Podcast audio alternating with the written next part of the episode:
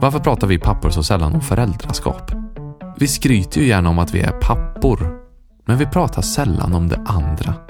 Våra känslor av otillräcklighet, rädslor och skam. Det är en märklig kultur som mest drabbar oss pappor. Mammor har ju redan hur många tidningar och magasin som helst. Hur blev det så? Och varför är det så svårt att bryta våra mönster? I sommar kommer vi prata med pappor i offentligheten. Det blir samtal om att vänta barn, adoptera barn, hamna i vårdnadstvist, instagramma sina barn och att vara två pappor. Målet är att leta oss ut från stereotypa bilder av faderskapet. Vilka pappor vi vill vara, men inte är. Där vi ställer frågorna mammor får, men aldrig pappor. Vi gör intervjuserien tillsammans med Mat.se, en matvarubutik på nätet med samma mål som oss.